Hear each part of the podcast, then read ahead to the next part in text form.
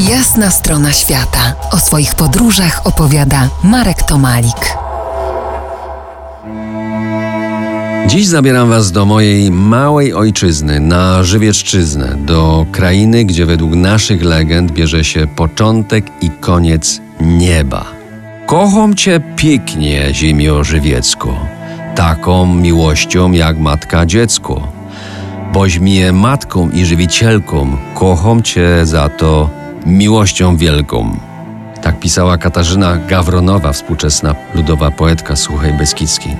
Bardzo trudno mówić o regionie, w którym się mieszka. Z perspektywy tubylca wszystko wydaje się oczywiste i na miejscu. Nawet uroki wciąż dzikiej natury i bogactwo góralskich pejzaży kulturowych. To będzie próba opowieści o mojej ojczyźnie.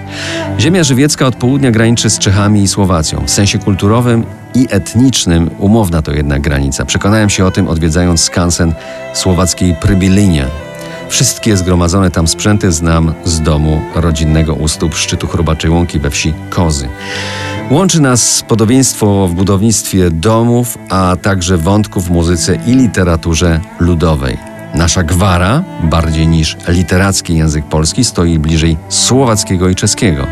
Stąd mentalnie i werbalnie znacznie szybciej nam dogórali po tamtej stronie granicy niż do mieszkańców innych regionów kraju.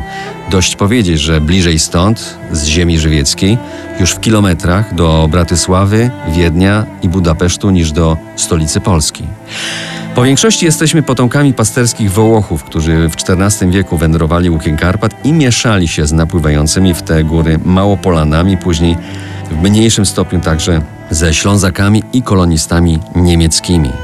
Góralszczyzna na ziemi żywieckiej i dalej na zachód w Beskidzie Śląskim jest autentyczna i archaiczna. Zachowała swoje liczne zwyczaje, między innymi bożonarodzeniowe kolędowanie. Piękne stroje górali z płótna, sukna i skóry przetrwały przez wieki bez istotnych zmian. Za niejaki czas opowiem o zbujowaniu na tej naszej żywieckiej ziemi.